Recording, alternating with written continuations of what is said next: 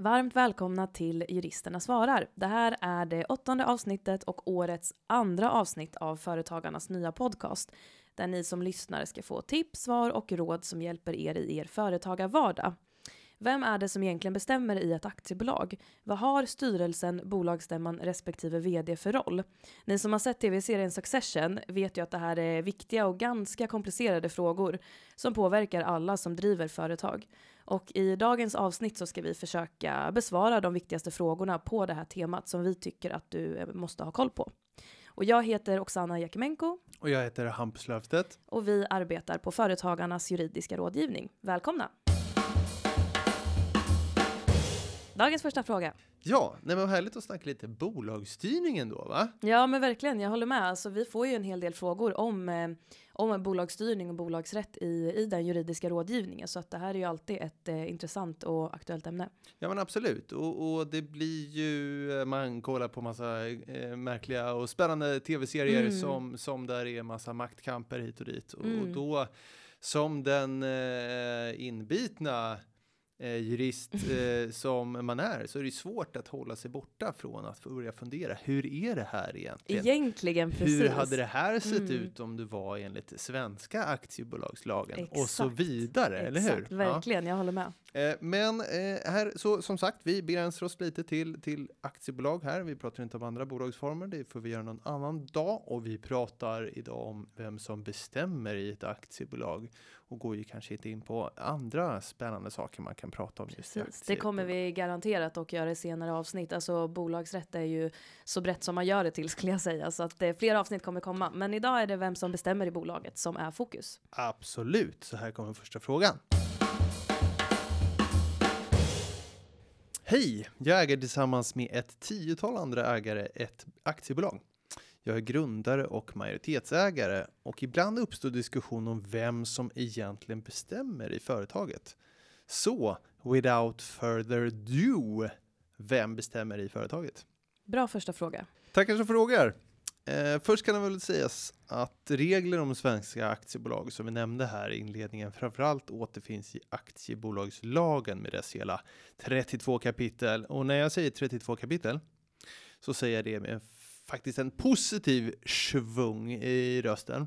Till skillnad från när jag pratar om eh, semesterlagens eh, många paragrafer som ni erfarna lyssnare känner till. Då. Men här är det faktiskt som så att aktiebolagslagen är jag tycker den är väldigt tydlig, den är pedagogisk och man kan i ärlighetens namn, om man sitter och har trist en torsdag eftermiddag, eh, läsa den från perm till perm. Om man vill mm. ha större förståelse för hur ens bolag faktiskt eh, fungerar. Då. Och man kan väl säga att aktiebolagslagen tillsammans med en bolagsordning, som är ett dokument som varje aktiebolag måste ha, sätter ramen för hur bolaget fungerar. Just det.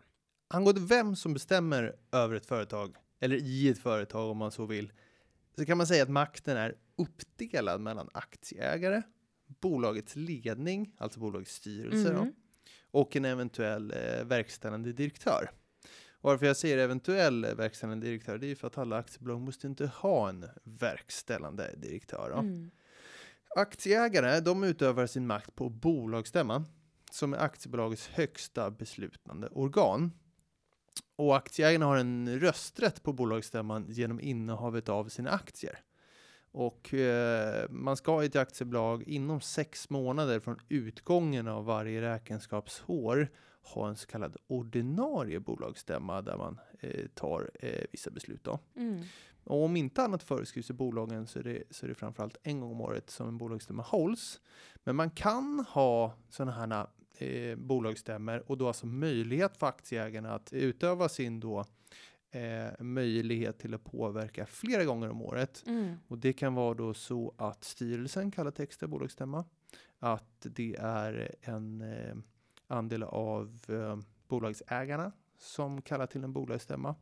Eller ska man faktiskt ha skrivit in det i bolagsordningen att man ska ha ordinarie bolagsstämma ett visst antal gånger per år. Mm. Så att det behöver inte bara vara en gång om året som aktieägarna har möjlighet att bestämma. Okej, intressant. Men vilka, vilka beslut kan bolagsstämman fatta då när de samlas där på en årsstämma till exempel? Ja, alltså, och årsstämma brukar man ju kalla den ordinarie bolagsstämman Just det, just det. för. Precis. Eh, nej, men bolagsstämman har en exklusiv kompetens, brukar man eh, prata om. Eh, det vill säga sådana beslut som bara bolagsstämman får ta beslut om. Mm. Eh, och det är till exempel beslut om att eh, fastställa resultat och balansräkning, att disponera vinster eller förluster, eh, alltså till exempel att bestämma om aktieutdelning, Mm. bara bolagsstämman som får göra. Sen då eh, val av styrelseledamöter, ökning, minskning av aktiekapital vid till exempel nyemissioner. Ja, en liten brasklapp där då för det här med val av styrelseledamöter, för där kan man faktiskt i den här bolagsordningen, där dokument som vi pratade om förut, som ett aktiebolag måste ha, så kan man ange att några styrelseledamöter ska utses på annat sätt än genom bolagsstämman. Då. Mm. Men som ni hör, bolagsstämman, det är det högsta beslutande organet i aktiebolaget. Och eh, det är till och med så att med anledning av det här, den här hierarkiska uppdelningen med bolagsstämman högst upp, eh, så kan då en bolagsstämma faktiskt ge direktiv till en styrelse i eh, liksom enskilda förvaltningsfrågor utöver det här som jag nämnt som är den exklusiva behörigheten, det som de ska fatta beslut om om man så vill, Mhm. så kan de ge ett direktiv om saker och ting som i vanliga fall kanske styrelsen beslutar om. Mm. Och då måste styrelsen följa det. Men för att hänga med på det där resonemanget kring om att st- bolagsstämman kan ge direktiv till styrelsen om saker som styrelsen i vanliga fall beslutar om, så måste vi kanske titta på, men vad är det då styrelsen beslutar om? Och då är det som så att, eh, som vi sa, bolagsstämman utser styrelsen. Men styrelsen svarar för bolagets organisation och förvaltning av bolagets angelägenheter. Och styrelsen kan å sin sida utse en verkställande direktör som ska sköta den så kallade löpande förvaltningen. Då. Mm. Eh, det är precis det också som jag sa innan, att bolagsstämman kan ge direktiv till styrelsen i saker och ting då, som styrelsen i vanliga fall tar beslut om. Så kan styrelsen faktiskt eh, ge direktiv och eh, ingripa i den löpande förvaltningen som i vanliga fall den verkställande direktören beslutar om. Och då är ju, är ju liksom styrelsen överordnad där Mm. så att säga. Gränsdragningen här emellan var just eh, styrelse och, och eh, verkställande direktör eh, är ganska flytande och ganska svår att titta på förutom att ta väldigt tydliga exempel. Mm. Så där är det faktiskt, är man, så har man som styrelse skyldighet att upprätta en, en, ett skriftligt dokument som går igenom då arbetsfördelningen mellan eh, verkställande direktör och styrelsen. Det vill säga då styrelsen som ska eh, verka för eh, bolagets organisation och förvaltning Mm. av bolagets angelägenheter och vad som är verkställande direktörs då eh, uppgifter och vad den kan ta beslut om i löpande förvaltning. Det där kan man då, eh, ska man tydliggöra Mm. i ett dokument. Då. Vi måste ju komma ihåg bara att styrelsen eh, har ju sina beslut, även om de har en egen kompetens, så har ju de en övergripande lojalitetsplikt gentemot sina, i sina uppdragsgivare, eller vad man ska säga, de som utsett dem, det vill säga aktieägarna. Mm. Och så har vi hela tiden det övergripande syftet i aktiebolag. Det vill säga att aktieägarna ska beredas vinst till fördelning. Mm. Det står till och med i aktiebolagslagen. Så att man ska komma ihåg det att ja, utsedda styrelseledamöter, de har visserligen rätt att ta beslut kring, den, kring då, eh, bolagets eh, angelägenheter och dess förvaltning. Men de besluten ska alltid hela tiden vara genomsyrade av egentligen eh, vinst till aktieägarna. Aktieägarna. Mm. Om det inte står någonting annat i bolagsordningen. Mm. Ja, ehm, lite tillägg bara kanske. Nu när vi har kommit till, liksom har rätt ut att vissa saker får bara bolagsstämman bestämma om. Ehm, styrelsen, eh, förvaltning, verkställande direktör, löpande förvaltning. Mm. Det är att det finns någonting som brukar kallas för eh, restkompetens. Bolagsstämmans restkompetens. Mhm. Ja, det, Berätta mer. ja, alltså det är spännande. För Ja. att det är på något sätt så här att man, att man har sett det som att även om vissa beslut kanske snarare handlar om bolagets organisation och förvaltning, Mm. som i vanliga fall hamnar på styrelsen, Mm. Så är vissa beslut så pass verksamhetsomdanande att det ändå måste tas av bolagsstämman. Mhm. Och där har man då nämnt till exempel att man ska sälja ut hela bolagets inkråm eller att det är nå- man ska ändra hela verksamheten på något väldigt stort sätt. Mm. Då har man sett det som att ja, men då är nog styrelsen ändå skyldig att gå tillbaks till bolagsstämman för att få direktiv om hur det ska göras då. Mhm. Eh, det blir ju på något sätt kan man ju säga Även om man kallar det för en egen restkompetens så, så blir det ju nästan som en utfyllnad av den exklusiva kompetensen Mm. som vi började med. Mm. Mm. Men du, tillbaks till eh, frågan kanske. Nej, men vi har ju svarat nu på vem det är som bestämmer. Ja, det tycker jag Högst har upp, gjort. mellan, längst ner. Men eh, bara en liten eh, eh, exemplifiering kanske då skulle vara så här, jaha, högst upp har vi aktieägarna, bolagsstämman, sen har vi styrelsen och sen den verkställande direktören. Mm.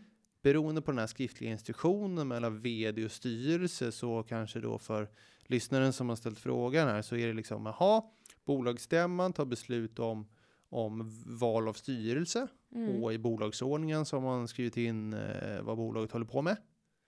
Eh, sen styrelsen beslutar om strategiska beslut inom verksamhetsområdet i bolagsordningen och ehm, sen så ehm, har sen delegerat till verkställande direktör att, eh, och sagt så här ska vi genomföra det. De här typer av tjänster måste vi ha, men sen är det verkställande direktör som till exempel ser till att de tjänsterna blir tillsatta, Mm. beslutar om vilka ehm, eh, ansökande som, som är de bästa för de här tjänsterna Mm. och så vidare. Så lite så. Mm. Nej men bra, ja men jag tycker att eh, du har förklarat både brett och specifikt så att säga. Du, Så jag... tack för det. Varsågoda. Eh, Hej! Jag har ganska nyligen startat ett aktiebolag som är verksamt inom IT-branschen. Jag äger 60% av aktierna, min kompanjon äger 20% och resterande delar ägs av olika investerare. Jag är VD i bolaget och min kompanjon styrelseledamot. Men i övrigt så planerar vi att ta in en extern styrelse med mer kunskap om bolagsstyrning. Det oroar mig dock att jag och min kompanjon blir en minoritet i styrelsen och undrar om styrelsen kan avsätta oss eller på något annat sätt tvinga oss ur vårt egna bolag. Okej, det här var ju en spännande fråga och jag tror att vi ska börja i, i den änden att eh, Ja men Hampus, du nämnde ju där i första frågan att styrelsens uppgifter det är bland annat då att svara för bolagets organisation och förvalta bolagets angelägenheter. Mm. Men det är också att bedöma bolagets ekonomiska situation och se till att bolagets ekonomiska förhållanden i övrigt då kontrolleras på ett betryggande sätt. Ja. Men som du också sa så har styrelsen också till uppgift att både tillsätta och avsätta en vd. Så att eh, det korta svaret här på, på lyssnarens fråga är att ja, styrelsen kan fatta beslut om att avsätta lyssnaren som vd. Däremot så kan styrelsen inte tvinga den här vdn eller före detta vdn då att, att eh, sälja sina aktier i bolaget förutsatt då att det inte finns någon typ av inlösensskyldighet under vissa omständigheter i aktieägaravtalet. Mm. Men om vi utgår från att, att det inte gör det då så ja, styrelsen kan besluta om att avsätta vdn men eh, lyssnaren då, den här vdn före detta vdn behåller ju fortfarande sina aktier i bolaget. Mm. Och då kommer vi liksom in på den här minoritetsfrågan i styrelsen också. Ehm, så är ju utgångspunkten där att styrelsen kan inte avsätta eller tillsätta styrelsemedlemmar. Utan som regel är det ju då bolagsstämman, högsta organet, beslutande organ, som består av aktieägarna ju som Ja. beslutar om att avsätta eller tillsätta styrelseledamöter. Och eh, ett sådant beslut om att eh, tillsätta eller avsätta styrelseledamöter, det fattas normalt sett med enkel majoritet, det vill säga mer än hälften av rösterna. Men man kan också skriva in i bolagsordningen att det ska fattas med kvalificerad majoritet och det är ju då eh, två tredjedelar av rösterna som krävs. En liten passus Mm. som jag eh, tror jag missade att nämna. Ja, De här rösterna, ja, hur får man dem? det är ju en röst per aktie. Ja men precis, alltså rösterna får man ju av sitt aktieinnehav. Precis, det kommer direkt av Mm. aktieägandet. Sen kan man ha A-aktier och B-aktier, men det tror jag inte vi ska gå in på i, i det här avsnittet, utan vi, vi liksom, för enkelt förklarat så får man sina röster beroende på aktieinnehav. Precis, enkelt förklarat ett mot ett så att säga. Precis. En röst, en aktie. Mm. Exakt så. Ja, men och, och om vi liksom går tillbaks till frågan då så, så som sagt bolagsstämman är de som tillsätter avsitt, avsätter styrelsen. Och är det så att bolagsstämman har tillsatt en styrelseledamot så är det bara bolagsstämman som kan avsätta den här personen. Och så länge lyssnaren i det här fallet, alltså den här vdn, så länge han eller hon äger då 60% av aktierna Mm. så har ju han eller hon en majoritet av rösterna på bolagsstämman. Och på, då, på det sättet så behåller han eller hon ju kontrollen över vilka beslut som faktiskt fattas på bolagsstämman. Så att ja, man kan liksom bli, hur ska man säga, urtvingad från sitt bolag genom att styrelsen väljer att avsätta den här personen som vd. Men däremot så behåller han ju kontrollen över bolaget genom att han har majoriteten av aktierna. Ja, och Så då så kan kan man man säga. göra lite som jag var inne på där i början, att då kan ju han faktiskt kalla till en extra bolagsstämma Mm. Och eh, ta beslut om ny styrelse. Precis, för det är ju bolagsstämman som bestämmer om styrelsen. Så- Mic drop. Boom! liksom. Precis så, exakt. Så att det, ja men verkligen, så att det som sagt, det finns liksom lite delar här till både hans för och nackdel kan man säga. Mm. Men tipset är väl just att så länge han innehar majoriteten av aktierna så har han fortfarande en ganska stor kontroll över bolaget. Bolagsstämman, Exakt. aktiebolagets högsta beslutande, Beslutande organ. organ. Fint. Precis Nästa fråga kanske. Mm. Innan tredje frågan. Mm. Liten bonusfråga. Ja. Varför blir det så mycket eh, problem i de här serierna vi kollar på? För att det är amerikansk rätt som tillämpas där. Nej, jag tänkte snarare på alltså, kanske de problemen som ofta uppstår i, i aktiebolag som, man, som är lätt att glömma bort Mm. när man eh, tittar på lite mindre bolag. Mm. Men om man eh, tittar på lite större bolag då, Mm. så är det ju för att det ofta blir eh, intressekonflikter mellan eh, företagsledningen kontra aktieägare. Mm. Eh, man ska inte glömma bort, precis som vi som anställda så vill man ju gärna sitta kvar i sin anställning om man inte har tänkt någonting annat. Mm. Och eh, vi har ju LAS som skyddar oss som arbetstagare. Mm. Men man, om man sitter i en styrelse så, så kanske man inte omfattas av LAS. Det är ju Har lite olika. skydd. Tänker inte gå in på det just Nej. nu. Men, eh, men eh, då, man vill ju skydda sin position. Mm. Inte kan, eh, det- kanske både då att man eh, eh, inflytandet, det är kanske bra PR för en själv att sitta i den här styrelsen och så Mm. vidare. Men också naturligtvis för den ersättningen som man Mm. erhåller. Det är ju ett incitament för att man eh, ska hålla sig kvar i styrelsen. Mm. Och aktieägarna, de, deras vinst är ju att få ut eh, Utdelning. utdelning. Mm. Och det där kan clincha ibland även om styrelsen har lojalitetsplikt och ska följa då aktiebolagslagen om, om syfte till Mm. vinst. Då. Så det är en sån sak. Eh, en annan sån clinch är ju ofta som du var inne på din fråga, majoritet min, minoritet. Ja. Eller förlåt, det var ju en styrelsefråga. Men en Ja. annan, ett annat problem kan ju vara när det är majoritet minoritet i, mellan aktieägarna. Mm. Vi möter ibland problemet med våra eh, att, att, att man har en kompanjon och så har de olika aktieandelar och så vill de olika saker. Så då har Mm. man ju den clinchen, hur ska man, hur ska man rösta och så vidare. Mm. Och sen så har vi ju också det här med eh, aktiebolaget gentemot de utanför bolaget. Mm. Ja. Bara en liten bonus. Eh, Ja men precis, Nej, men det, är ju, det är ju bra att ta upp de här olika situationerna för att det är ju, det kan uppstå mycket oförutsägbara händelser kan man väl säga. Alltså som sagt, man kanske bara är två deläg delägare i bolaget, men det faktum att man äger olika mycket påverkar beslutanderätten. Och i början när man har startat det här bolaget så är allt frid och fröjd och man är super, eh, man båda är nöjda liksom med vart Mm. företaget är på väg, men det där kan ju ändras längs, eh, längs vägen och då som sagt beroende på aktieinnehavet så kan man ju ha olika typer av eh, olika mycket inflytande. precis så det är ju bra att hålla koll på vad, hur, hur reglerna ser ut och vad man faktiskt har rätt eller inte rätt till beroende på ens position i bolaget. Ja men precis och sen så finns det till och med en, eh, om man ska liksom prata om problem med kategorier men om man då har eh, ledning eh, mot aktieägare och sen så har vi minoritet majoritet och sen så har vi eh, då bolaget gentemot andra då, alltså Mm. utanför bolaget, alltså Tredje mot part, borgenärer då. Mm. som, som ska skyddas. Men sen så har vi också det tredje, fjärde när det kommer alltså folk som ska börja investera, investerarskyddet, att folk kommer in som kommer in som nya minoritetsdelägare Mm. sådär. Mm. Ehm, Och så ska man be, be, liksom bejaka deras intressen och jag menar Exakt. en investerares intresse, en stor investerares intresse kan ju vara någonting annat än en liten aktieägares intresse. Så kan det Så vara. det- Och det är också så att de då inne i bolaget kanske har mycket mer information kring hur Mm. bolaget ser ut än den som investerar Mm. och så vidare. Eh, och där finns ju prospektregler, men det ska vi prata Det om. jag det. det, det kommer ju komma flera avsnitt på det här temat, det, det kan vi väl bara konstatera. Men det är väl utifrån de eh, grundproblemen som, som aktiebolagslagen finns. Ja, för att precis. skydda minoriteter, majoritet, Mm. styrelse, aktieägare hit och dit. Och, och Olika, olika perspektiv helt enkelt. Ja, Mm.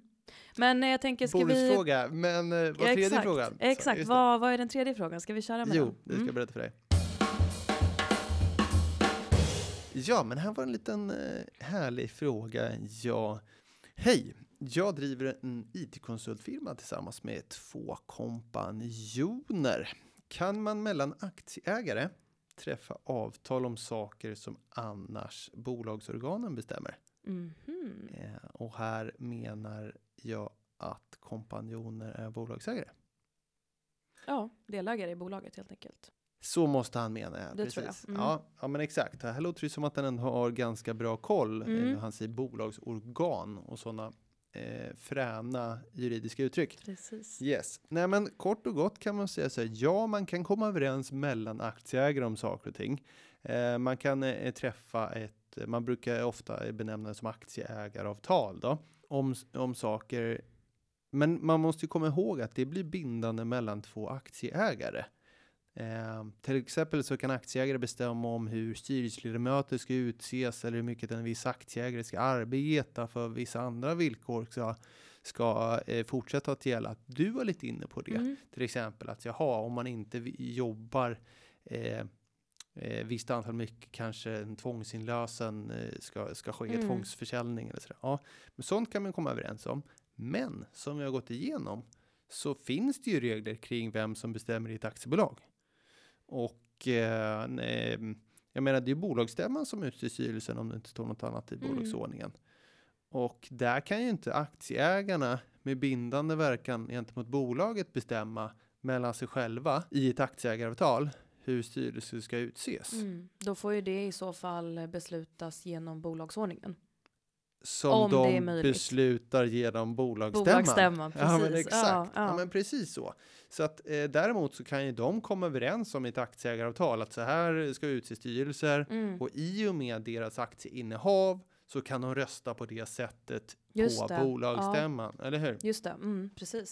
Så, så det blir liksom lite indirekt så då. Ja, och på samma sätt så kan ju två aktieägare komma eh, överens om något som beslutas i vanliga fall av styrelse och vd, alltså förvaltningsbeslut, eh, löpande förvaltning.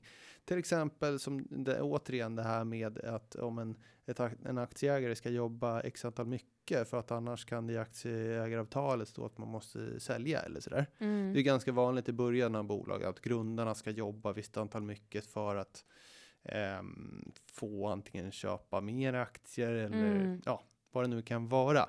Men jag menar hur mycket en, en arbetstagare ska jobba i ett aktiebolag. Det är ju sånt som en vd i vanliga fall tar beslut om. Mm. Alltså vad står i anställningsavtal? Anställningsvillkor. Precis, Ja. beläggningsgrad och sådana saker. Det är ju ett avtalsförhållande mellan bolag och den här personen om mycket Mm. den ska arbeta.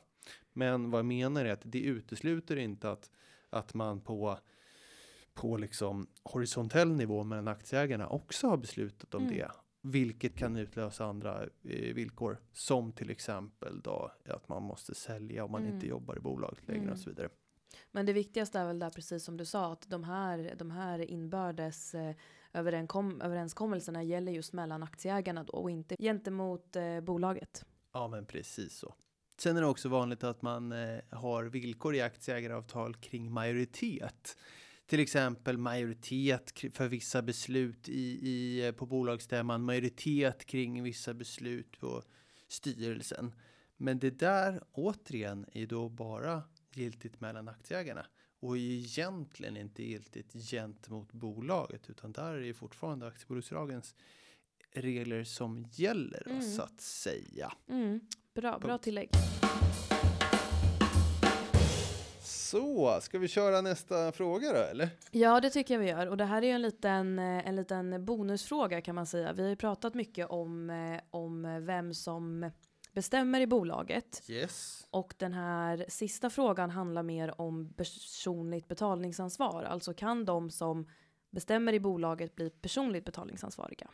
Ja, och den har väl vi tagit upp just för att det är en sån fråga som Den är så pass vanlig skulle jag säga och liksom relevant för att hela, hela eller liksom en av de stora grejerna med liksom aktiebolagsformen just det är ju att ägarna Huvudregeln är att ägarna inte ska bli person, personligt betalningsansvariga. Men det finns ju förstås undantag. mm. Eh, så att jag tycker att den här frågan var relevant just för att den är så pass vanlig och också så pass viktig. Mm. Eh, så jag tycker att vi, vi slänger in den i det här avsnittet helt enkelt. Ja men grymt. Den är ställd så här. Eh, Hej, jag driver idag en enskild firma men har nu under pandemin fått lite nya idéer och funderar på att omvandla firman till ett aktiebolag. Jag har förstått att när man har ett aktiebolag så är det själva bolaget som ansvarar för eventuella skulder men att styrelseledamöter i vissa fall ändå kan få ett betalningsansvar. I vilka situationer kan styrelseledamöter bli ansvariga för aktiebolagets skulder? Ja, men precis. Som, eh, som lyssnaren skriver så är ju utgångspunkten att det är eh, aktiebolaget, alltså den juridiska personen som ansvarar för bolagets skulder och inte ägarna av bolaget eller styrelsen eller vdn. Och där i så föreligger det ju en skillnad då mellan, eh, mellan en enskild firma och ett aktiebolag. För ägaren av en enskild firma är ju då personligt betalningsansvarig för firmans skulder. Just det. Men det finns ju också situationer där såväl Eh, ja, men såväl ägarna som företrädare för ett aktiebolag kan åläggas ett ekonomiskt ansvar för bolagets skulder. Och lyssnaren i, den här, i det här fallet, han undrar ju när styrelseledamöter kan bli ansvariga för bolagets skulder. Så jag tänker att det är det vi ska fokusera på i den här frågan och sen så får vi eh, prata om aktieägarnas ansvar i ett annat avsnitt, eller vad säger du? Ja, NJA 1947 och hela den grejen. Ja, det sparar vi till Ja, ett annat absolut. avsnitt helt enkelt. Ansvarsgenombrott. Precis så. Mm. Nej, men man kan väl säga som så att företrädare för aktiebolag eh, kan bli personligt betalningsansvariga till exempel när företrädaren då inte följer reglerna om eh, eh, om upprättande av kontrollbalansräkning när det finns skäl att misstänka att aktiekapitalet är mindre än hälften av bolagets registrerade kapital eller om bolaget har obetalda skatter eller avgifter och företrädarna har agerat uppsåtligen eller av grov oaktsamhet. Och där är väl en, alltså, i, för då när det är skatter och avgifter på det sättet, då behöver de inte titta på det här med kapitalet. Nej, precis. Det här, är, det här är två olika situationer. Jag kommer ge lite exempel på när vad som kan betraktas som grovt o, eh, oaktsamt när det Ja, just men kommer super. till skatter och avgifter. Och, men det är bra att du punkt, poängterar det. Det är två olika situationer. Men därför blir det ju ofta så himla eh, viktigt det här med skatter. Mm. Eller viktigt med obetalda skatter. Ja, ja, verkligen. Precis. Ehm, om- och så vi har pratat om eh, liksom, eh, löpande i avsnittet så, så är ju en av styrelsens uppgifter att se till att eh, i ett aktiebolag då, att se till att företagets ekonomi kontrolleras på ett betryggande sätt. Och om det är så att det finns skäl att anta att bolagets egna kapital understiger hälften av det registrerade kapitalet, då är styrelsen skyldig att kalla till ett styrelsemöte och genast upprätta en kontrollbalansräkning. Och om man genom den här kontrollbalansräkningen då eh, noterar att halva aktiekapitalet är förbrukat eh, så ska styrelsen då kalla till en första kontrollstämma och helt enkelt pröva om bolaget ska likvideras. Och här är det ju då kontrollstämman, alltså bolagsstämman, som beslutar om Mm. likvidationen. Och är det så att den här första kontrollstämman beslutar att bolaget inte ska likvideras, då har bolaget en viss tid på sig att, eh, att läka den här kapitalbristen. Och det kallas då för rådrumsfrist för den som är intresserad. Och eh, en, en andra kontrollstämma ska då hållas inom åtta månader från den första kontrollstämman. Och om den första kontrollstämman då beslutar att eh, utnyttja den här rådrumsfristen så ska då det hela registrerade aktiekapitalet helt enkelt återställas då för att bolaget inte längre ska vara likvidationspliktigt. Så att på den andra kontrollstämman då som man håller åtta månader efter den första så ska aktieägarna då igen pröva och ta beslut om bolaget ska likvideras. Och eh, ja, alltså om kontrollbalansräkningen då inte visar att det finns, eh, alltså att det finns full täckning för det registrerade aktiekapitalet, ja då är bolagsstämman helt enkelt skyldig att besluta om att aktiebolaget ska, ska gå i likvidation. Mhm. Så att man har visst, eh, visst utrymme att eh, som sagt att få företaget på fötterna igen. Men lyckas man inte här då på andra försöket så ska, är det bolagsstämman då som bestämmer om likvidation. Um, och som sagt följer man då inte de här reglerna, alltså när man ska kalla till styrelsemöte och när man ska kalla ko- till den första och andra kontrollstämman och så vidare. Eller man kanske rent av man kanske struntar i att upprätta en kontrollbalansräkning och liksom driver på bolaget som om ingenting har hänt. Mm. Då kan styrelseledamöterna bli personligen betalningsansvariga för förpliktelser då som uppkommer för bolaget under den här tiden som eh, man har underlåtit att följa reglerna. Coolt. Eh, jag tänker vi ska också prata om eh, när företrädare blir personligt betalningsansvarig för bolagets obetalda skatter eller avgifter. Och då krävs det ju som sagt att företrädaren har agerat uppsåtligen eller av grov oaktsamhet. Och just den här typen av personliga ansvar kallas för företrädaransvar. Och med uppsåtligen då, då menar man att eh, agerandet eller underlåtenheten att agera att det har skett medvetet och kontrollerat. Alltså att den som agerar eller inte agerar är ja, men fullständigt medveten om vad handlandet eller underlåtenheten innebär. Mm. Man ska liksom ha en insikt i vad det här agerandet kan komma att innebära. Eh, Medan grov oaktsamhet, det är ju någonting annat och där kan man väl säga att det i princip innebär att Alltså lite förenklat att eh, företrädaren har agerat extremt slarvigt eller försumligt eller liksom nonchalant Mm. i fråga om, eh, om ja, men vederbörandes skyldigheter. Och enligt Skatteverket så kan till exempel en företrädare anses ha eh, agerat grovt oaktsamt om han eller hon har insett eller borde inse att en fortsatt drift av företaget medför en påtaglig risk för att bolaget inte kommer att kunna fullgöra sin betalningsskyldighet men trots det drivit bolaget vidare. Det kan då vara grovt oaktsamt. Ett annat exempel är om företrädaren till exempelvis har använt eh, medel som har varit avsedda för att betala in skatter och avgifter, men så har man tagit de pengarna och använt som riskkapital. Eh, eller om liksom företrädaren är uppenbart likgiltig till att sätta sig in och tillämpa beskattningsregler, det kan också vara grovt oaktsamt. Mhm. Men som sagt, alltså det, det kan ju finnas, den här listan kan göras väldigt lång då på olika exempel, men liksom förutsättningarna är just uppsåt eller grov oaktsamhet och man måste ju såklart göra en, en bedömning i varje enskilt fall då utifrån de omständigheterna som föreligger. Och nu kanske jag redan har, har eh, den som lyssnar kanske redan har förstått det här, men om man ska säga lite kort om vem som är en företrädare för bolaget så är det ju som sagt då inte eh, som regel inte ägarna utan det är ju bolagets styrelse och vd som är de legala företrädarna. Och det betyder också att eh, vd då och ordinarie styrelseledamöter kan till exempelvis bli då solidariskt betalningsansvariga för bolaget. Men utöver de här eh, legala företrädarna så kan det också finnas andra personer som ska anses som företrädare för bolaget och de brukar benämnas som faktiska företrädare. Och utan att gå, gå allt, allt för djupt på det så kan man säga att det en, en faktisk företrädare kan vara en person som har haft ett eh, betydande ekonomiskt intresse och bet, betydande eh, inflytande över bolaget. Och då kan den här personen också då bli föremål för företrädaransvar till exempel. Men sen så, ja det finns ju förstås också omständigheter som gör att en företrädare som har agerat till exempelvis grovt oaktsamt ändå kan undgå eh, betalningsansvar. Men då är det ju eh, företrädaren då som måste visa att det finns särskilda skäl då som bör befria honom eller henne från det här. Så att man kan väl säga liksom sammanfattningsvis Eh, huvudregeln är att aktiebolaget ansvarar för aktiebolagets skulder. Det är inte företrädarna, det är inte aktieägarna.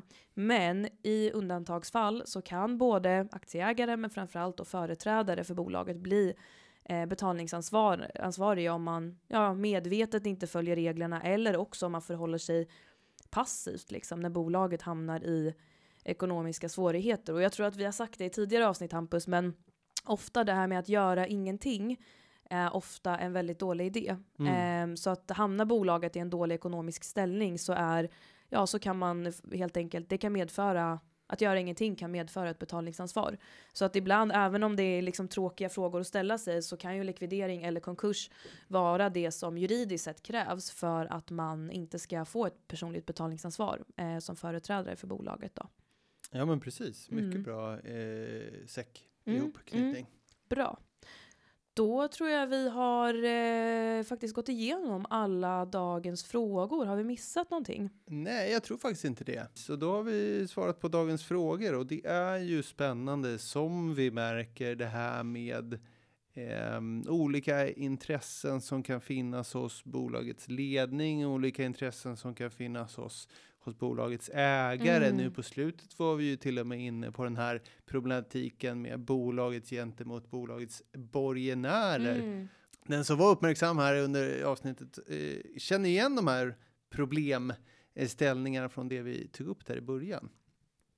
Eh, och vi hoppas kanske få återkomma till det här. Ja, verkligen. Eller hur? Kanske då Definitivt. prata om hur man eh, hur ägare kan ha olika holdingbolag och där har någon form av supermajoritet eller något annat som gör att det blir helt omöjligt att rösta Exakt. på bolagsstämman och så vidare och att man blir inte får vara med längre och, och sådana saker, eller hur? Precis, ja Mm. men lite precis. Nej men det tycker jag verkligen vi ska göra. Det är som sagt det är ju så himla stort och brett och intressant eh, rättsområde så att vi, det kommer vi att definitivt att göra. Ja, men som vanligt, som medlem i Företagarna eh, kan du utan kostnader ringa till oss och våra kollegor i den juridiska rådgivningen och få personlig hjälp.